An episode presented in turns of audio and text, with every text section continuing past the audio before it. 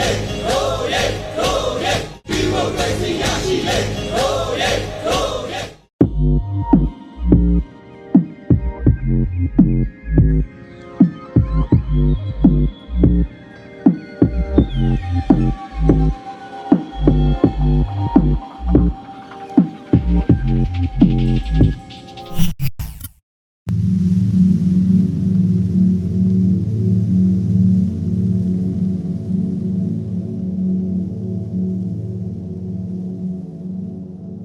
တော်လိုင်းနည်းပညာအစီအစဉ်ကနေအားလုံးကိုပြန်လည်ကြိုဆိုလိုက်ပါတယ်။မြန်မာနိုင်ငံသူနိုင်ငံသားအပေါင်းမင်္ဂလာပေါင်းနဲ့ပြည့်စုံတဲ့နေ့ရက်တွေကိုအများဆုံးပြန်လည်ပိုင်ဆိုင်နိုင်ကြပါစေကြောင်းတော်လိုင်းနည်းပညာအစီအစဉ်ကဝိုင်းတော်သားတွေကဆုတောင်းမြတ်တာပို့သလိုက်ပါတယ်။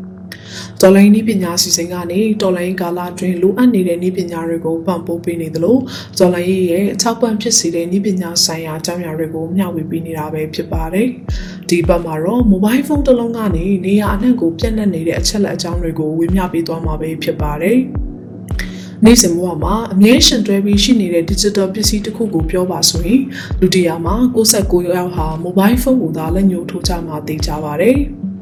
ဒီနေ့ခေတ် mobile phone တစ်လုံးရဲ့စွမ်းဆောင်ရည်ဟာလည်းတော်ရုံမဟုတ်တော့ဘူးလို့ပြောရမှာပါ။ကိုယ့်ရဲ့ mobile phone တစ်လုံးကနေတကဘာလုံးနေရအနှံ့ကို internet ကနေပြီးတော့ဆက်သွယ်ချိတ်ဆက်နိုင်တယ်လို့တကဘာလုံးအနှံ့မှာရှိတဲ့ဗဟုသုတတွေနဲ့ကိစ္စရပ်တွေကိုဒီ mobile phone တွေကနေပဲလေ့လာသင်ယူနိုင်ပါတယ်။ ဒါအပြင်တိုးတက်လာတဲ့နည်းပညာတွေရာမော်တော်ကားအဲယာကွန်ကစလို့အိမ်တွင်းသုံး digital ပစ္စည်းတွေဟာမိမိရဲ့ mobile phone နဲ့ချိတ်ဆက်ပြီးထိန်းချုပ်နိုင်တဲ့အထိဖြစ်နေပြီလို့ပြောလို့ရပါတယ်။ဒါဆိုရင်ဒီ mobile phone တွေကရောကိုယ့်ကိုအကျိုးပြုတာနဲ့အမျှကိုယ့်ရဲ့ကိုယ်ကြီးကိုယ်တာအချက်လက်တွေအပါအဝင်တခြားသော data တွေကိုဘယ်လောက်ထိထိမ့်သိမ်းထားတယ်လို့ထင်ပါသလဲကိုယ့်ရဲ့ privacy ကိုဘယ်လောက်ထိထိန်းချုပ်ပြီးဘယ်လောက်ထိကာကွယ်ပေးနိုင်လဲလို့ထင်ပါသလဲ ဒီဖြေကိုပြောရမယ်ဆိုရင်တော့ privacy ဆိုတာကိုအရင်ရှင်းပြရပါလိမ့်မယ် privacy ဆိုတာကိုယ့်ရဲ့ကိုယ်ကြီးကိုယ်တာအချက်လက်လုံခြုံခွင့်လို့အတိတ်ပဲရပါတယ် digital ပစ္စည်းတွေကိုပဲသုံးသုံး digital platform တွေကိုပဲသုံးသုံးအသုံးပြုသူတွေကိုဘယ်လိုအသုံးပြုရမလဲအသုံးပြုတဲ့သူတွေစီကဘယ်လိုသတင်းချက်လက်တွေကိုရယူစုဆောင်းမယ်စတာတွေကိုရှင်းရှင်းလင်းလင်းဖော်ပြထားခြင်းရှိရမယ် privacy policy တွေလည်းရှိဖို့လိုအပ်ပါတယ် mobile phone တွေအပါအဝင် digital ပစ္စည်းတွေကိုထုတ်လုပ်တဲ့ကုမ္ပဏီတွေလူမှုကွန်ရက်တွေနဲ့ digital platform တွေဟာ privacy လို့ခေါ်တဲ့ကိုယ်ရေးကိုယ်တာအချက်လက်ထိမ့်သိမ်းပိုင်ခွင့် security လို့ခေါ်တဲ့အသုံးပြုသူရဲ့အချက်လက်တွေကိုအခိုးယူမခံရအောင်တခြားသောနေရာတွေမှာတလွဲအသုံးပြုခြင်းမဖြစ်ရအောင်ကာကွယ်ပေးနိုင်ခြင်း accountability လို့ခေါ်တဲ့သူတို့ရဲ့ထုတ်လုပ်ထားတဲ့ဖန်တီးထားတဲ့ပစ္စည်းတွေနဲ့တိစောက်ထားတဲ့ platform တွေနဲ့ပတ်သက်ပြီးတာဝန်ယူမှုတာဝန်ခံမှုတွေနဲ့အတူ usability လို့ခေါ်တဲ့အသုံးပြုသူတွေရဲ့လွယ်လွယ်ကူကူနားလည်အသုံးပြုနိုင်ခြင်းစတဲ့အချက်၄ချက်နဲ့ပြည့်စုံဖို့လိုအပ်ပါတယ်။ဒီအချက်လက်တွေနဲ့ပတ်သက်ပြီး GSMA လို့ခေါ်တဲ့နိုင်ငံတကာအဖွဲ့အစည်းတစ်ခုရဲ့လေ့လာချက်များအရကမ္ဘာတဝန်းလုံးမှာရှိတဲ့သုံးဆွဲသူ82ရာခိုင်နှုန်းဟာသူတို့ဝန်ဆောင်မှုရယူထားတဲ့လုပ်ငန်းတွေကနေသူတို့ရဲ့အချက်လက်တွေကိုဘလို့ရယူသုံးဆွဲနေတယ်လဲဆိုတာသိချင်ကြပါမယ်။အဲ့ဒီထဲက10ဦးမှာ10ဦးဟာရှုပ်ထွေးရှည်လျားလာတဲ့ privacy policy တွေကိုမဖက်ဖြစ်ကြဘူးလို့ဆိုပါတယ်။ယနေ့ခေတ်မှာတော့နိုင်ငံတွေကနိုင်ငံသားတွေရဲ့ data privacy ကိုကာကွယ်ပေးနိုင်မယ် privacy data protection law တွေကိုပြဋ္ဌာန်းပြီးကာကွယ်ပေးနေကြပါတယ်။စိတ်မကောင်းစရာနဲ့ရင်နာစရာတစ်ခုကတော့ကျွန်တော်ရဲ့နိုင်ငံမှာတော့အသုံးပြုသူတွေကိုကာကွယ်ပေးနိုင်တဲ့တိကျသေးချတဲ့ဥပဒေတွေပြဋ္ဌာန်းထားခြင်းမရှိသေးတဲ့အပြင်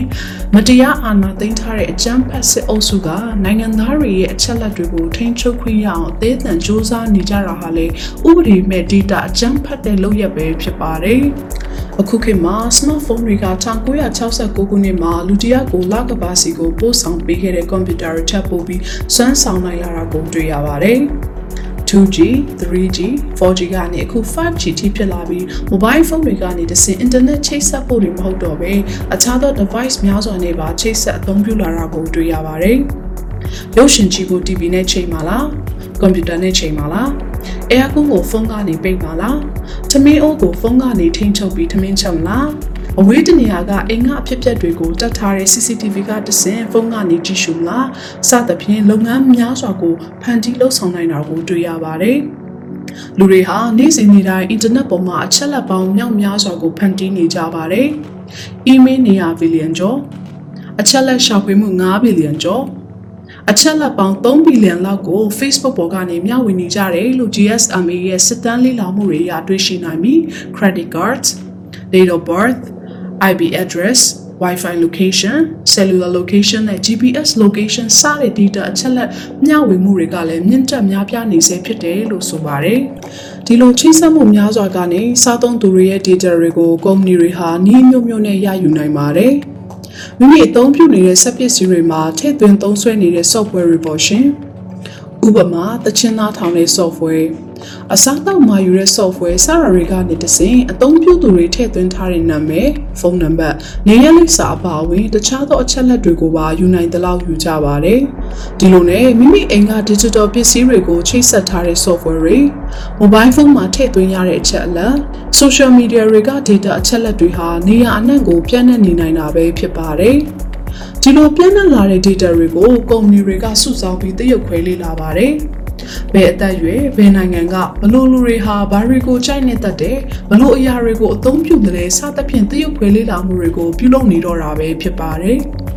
ဒီလိုတရုတ်ခွဲလေးလာခြင်းကနေသူတို့ထုတ်လုပ်ဖန်တီးတဲ့အရာတွေကိုပုံမတိုးတက်ကောင်းမွန်အောင်ပြုလုပ်နိုင်ပြီးသူတို့ရဲ့ brand ပေါ်သုံးဆွဲသူတွေကပိုပြီးမှတ်မောလာကြပါတယ်။တစ်ဖက်ကပြောရရင်အသုံးပြုသူတွေရဲ့အချက်လက်တွေကိုစီးပွားရေးအရပြန်လည်အသုံးချနေတာပဲဖြစ်ပါတယ်။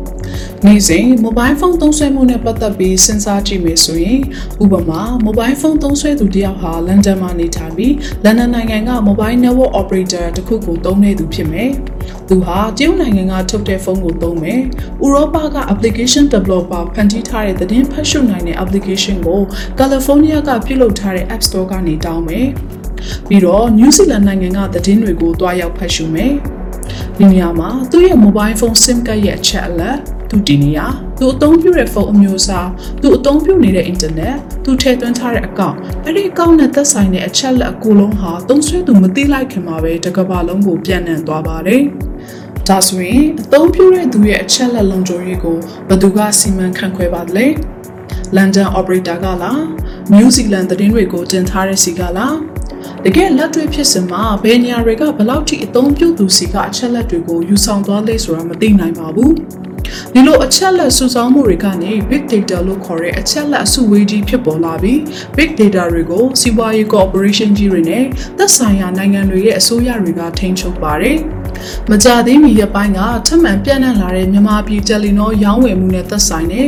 သတင်းတွေအရစစ်ကောင်စီရဲ့မိဖက်ကုမ္ပဏီဟာရှယ်ယာအများဆုံးနဲ့ပိုင်ဆိုင်မှုနဲ့တယ်လီနောကိုဝယ်ယူခွင့်ရတယ်လို့ဆိုတော့မြန်မာပြည် telecom sector တစ်ခုလုံးဟာစစ်ကောင်စီအောက်ရောက်သွားတယ်လို့ဆိုရမှာဖြစ်တယ်လို့အထက်ကဖော်ပြထားသူသုံးဆွဲသူတွေရဲ့အချက်လက်ပေါင်းများစွာဟာလည်းစစ်ကောင်စီရဲ့ထိန်းချုပ်မှုအောက်ကိုရောက်သွားမဲ့သဘောရှိပါတယ်။အခုဆိုရင်အကြမ်းဖက်စစ်အုပ်စုဟာအများဆုံး taxi တွေမှာ GPS ဆက်တွေတက်ဆင်ပြီးအများပြည်သူရဲ့တွာလာမှုမှတ်တမ်းတွေကိုစောင့်ကြည့်ဖို့အတွက်ပြင်ဆင်နေတယ်လို့သတင်းတွေလည်းထွက်ပေါ်တာကိုတွေ့ရပါတယ်။ဒါဟာမှန်နေဆိုရင်တော့ပြည်သူတွေကိုလက်နက်အင်အားနဲ့အကြမ်းဖက်တာအပြင်မိပညာနဲ့အကြမ်းဖက်တဲ့အထိထိန်းချုပ်မှုပြုလုပ်ချင်နေတာပဲဖြစ်ပါတယ်။ ရုပ်နိုင်ငံမှာဆိုရင် Facebook အသုံးပြုခွင့်ပိတ်ပင်တာအသုံးပြုသူတွေကိုဖမ်းဆီးနိုင်တာဟာအသုံးပြုသူတွေရဲ့ internet သုံးစွဲနိုင်တဲ့စက်ပစ္စည်းတွေကနေတဆင့်ထည့်သွင်းထားတဲ့အချက်လက်တွေဒီနေရာ location တွေကနေသိရှိနိုင်ပြီးအလွယ်တကူဖမ်းဆီးလို့ရနိုင်တာပဲဖြစ်ပါတယ်။ဒါကြောင့်လေအကြမ်းဖက်စစ်ကောင်စီဟာမယားညီကိုပေါက်ဖော်လန်းစဉ်ကိုလိုက်ပြီးလူပြည်သူတွေကိုနီးပညာနဲ့ထပ်မံအကြမ်းဖက်ထိန်းချုပ်ဖို့ရတဲ့နီလန်းကတထွာတမိုက်အုံနောက်လေးနဲ့အသေးအံစ조사နေတာပဲဖြစ်ပါတယ်။ ဒါကြောင့်မိမိရဲ့ mobile phone တစ်လုံးကနေအဲ့ဒီ mobile phone ထဲမှာအသုံးပြုနေတဲ့ software တွေ software တွေထဲမှာထည့်သွင်းထားတဲ့သတင်းအချက်အလက်တွေမိမိရဲ့ကိုယ်ရေးကိုယ်ရာအကြောင်းအရာတွေကနေရာအနှံ့ကိုပြန့်နှံ့နေတာကိုသိရှိပြီးဒီ data အချက်အလက်တွေကိုအကျိုးစီးပွားအတွက်ပြန်လည်အသုံးချတာ နိုင်ငံတွင်းထိန်းချုပ်မှုတွေကြီးပြုလုပ်နိုင်တဲ့အတွက်မိမိရဲ့အချက်လက်တွေကိုမိမိကိုယ်တိုင်သတိထားကင်တွယ်ပြီး mobile phone တွေကိုလုံခြုံစွာအသုံးပြုနိုင်ကြပါစေလို့ပြောကြားရင်းနဲ့ပဲနောက်ပတ်များမှာလည်းတော်လိုင်းနည်းပညာစီစဉ်ကနေဘလို့အကြောင်းအရာတွေကိုဆက်လက်တင်ဆက်ပေးသွားအောင်လဲဆိုတာစောင့်မျှော်ကြည့်ရှုပေးကြပါအောင်ရှင်။